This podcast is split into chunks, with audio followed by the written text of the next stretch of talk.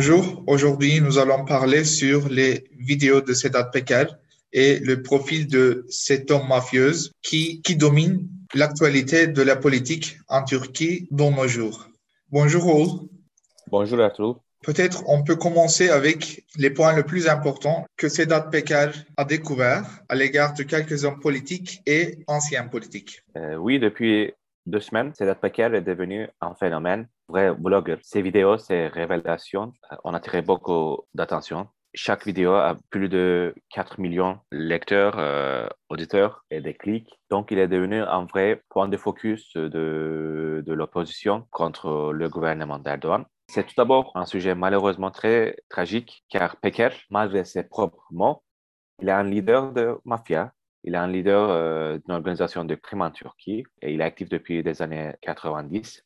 Néanmoins, il a été emprisonné en plusieurs occasions, dont une des plus célèbres était le procès d'Ergenekon. Il a été perçu comme un des piliers de l'État profond, Deep State en Turquie, et ses relations avec l'État, le gouvernement, le Deep State, aussi Gladio, a été beaucoup discuté depuis des décennies. Depuis 2 mai, il cible principalement Mehmet Ar, l'ancien ministre de l'Intérieur, de la Justice et aussi l'ancien chef de la police turque, euh, Peker a révélé que Ar et son fils Tolga Ar ont commis euh, un lourd crime euh, par le transport des narcos, des drogues, de, cocaïne depuis Colombie, de, l'Amérique latine en Turquie, et que Ar contrôle aussi la marina de Bodrum comme un pilier de mafia et aussi le chef de l'État profond en Turquie.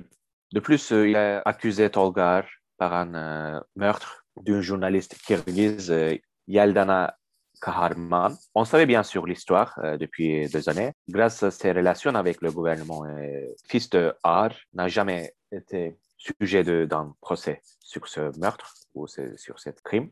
Ensuite, dans sa deuxième vidéo, Peker a continué d'accuser Ar avec ses relations avec la fameuse figure turque Nusret Gökçe, Salt Bay, comme il le connaît à l'étranger, euh, le chef euh, de la cuisine cette fois. aussi l'ancienne maire de Chichli et le nouveau chef du parti de changement de Turquie, Mustafa Sarıgül. Dans sa troisième vidéo, cette fois, il a ciblé l'entourage d'Erdogan, son beau-fils, Berat Albayrak, et aussi son frère Serhat Albayrak, car Peker a été démontré comme une figure dans une série de la chaîne télé ATV de Serhat Albayrak. Mais cette fois, Peker a souligné euh, ses belles relations, belles intentions envers la tête de l'agence de l'intelligence de Turquie. Et finalement, dans la quatrième vidéo, quatrième émission, Peker a ouvertement ciblé le, ministre euh, de l'Intérieur, Süleyman Soylu. Il a insulté plusieurs fois Soylu car, euh, selon Peker, malgré leur relation, malgré leur proximité, Süleyman Soylu a insulté Peker à son tour en disant qu'il a été un sale chef de mafia, sale chef euh, de crime. Et Peker a relevé le rôle de Soylu dans le suicide euh, d'une chef de police à Istanbul en 2018. Aussi, son engagement avec Peker en lui procurant des bodyguards au sein de la police turque. Donc, ces scandales devraient en fait euh, créer une lourde réaction au sein de la société turque, car ces révélations ont été les plus pires depuis la fondation de la République, aussi le plus grave que le scandale de Susurluk dans les années 90. On voit qu'aucun procureur, aucun juge ne lance des, procès juridiques. Et finalement, nous voyons que tout le gouvernement, euh, le chef de la communication, le porte-parole du président Erdogan, euh, ils se soutiennent, le ministre de l'Intérieur. Ce sont les acteurs très importants et très intéressants pour la politique de la Turquie. En commençant par le groupe Pelikan, qui est un groupe politique qui est un groupe d'intérêt dans la Turquie contemporaine, assez proche à Erdogan et notamment effectif et fort dans le média de la Turquie. Il faut rappeler que ce groupe a terminé la période de Ahmet Davutoğlu, ancien Premier ministre, en publiant une déclaration anonyme dans un site en ligne. Deuxièmement, Alaaddin Çakıcı peut être l'un de plus infâmes pour la politique de la Turquie depuis les années 1990. il est un leader d'une organisation criminelle, l'un des éminents pères de mafia, grâce à ses relations avec la politique les forces de la sécurité. Alaaddin Çakıcı était dans le prison depuis des années, mais l'année dernière, grâce aux efforts de partis de mouvement nationaliste, a été libéré et devenu une menace pour Sedat Peker. Parce que on sait bien qu'il y avait un rapport de force entre ces mafieux dans le monde sous l'ombre, dans le monde de l'obscur, et Sedat Peker a fui de la Turquie à cause de cette concurrence avec le groupe d'Alaaddin Çakıcı. Il faut aussi souligner que euh, Çakıcı est vraiment une figure euh, controversée en Turquie car il a ordonné la meurtre de sa femme devant les yeux de ses fils. Et c'est aussi créé beaucoup de, beaucoup d'émotions, beaucoup de controverses, euh, beaucoup de discussions au sein de la société, à l'époque et même maintenant. Oui. Et même Çakıcı et Mehmet sont des acteurs de la période infâme encore de la Turquie qui s'appelait comme Susurluk. Le scandale de Susurluk, euh, qui a été révélé par un accident de trafic dans les années 1990.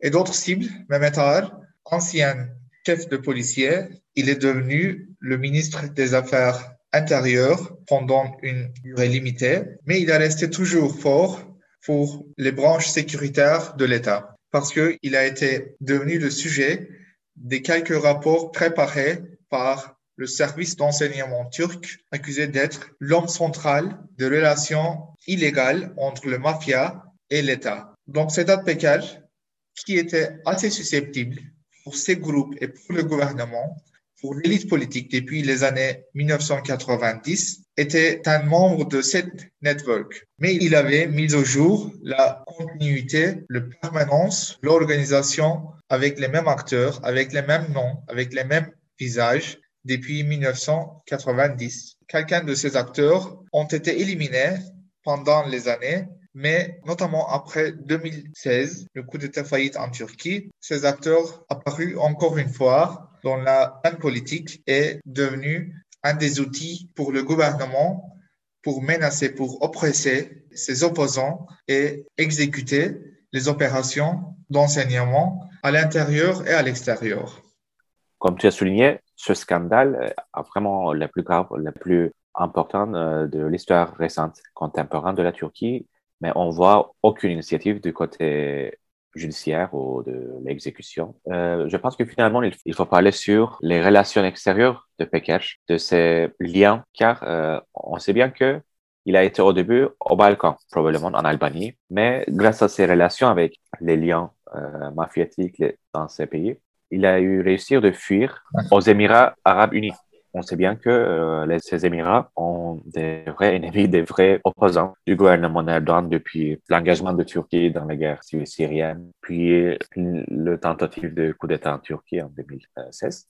Et on peut imaginer que ces liens avec l'émir, les, représentants, les, les, hommes politiques euh, aux Émirats, protègent euh, Peker pour l'instant. Il y a aussi un point important dans les révélations de Peker. Il mentionne le nom du roi de, de du Maroc et il parle avec une bienveillance pour les dirigeants du Maroc, car Erdogan a demandé son retour en Turquie, mais selon Pékin, ça a été refusé. Il faut aussi rappeler que Cem Uzan, une figure importante et un homme politique qui a fondé une partie de jeunesse contre Erdogan, qui est une figure séculaire, mais aussi un voleur, un, bon représentant de la corruption en Turquie, et qui est depuis ça en exil ou en fuite en France commencer à parler sur les dossiers de corruption du gouvernement d'Erdogan. Euh, ce sujet va garder son importance pour Ankara, mais aussi pour les autres capitales.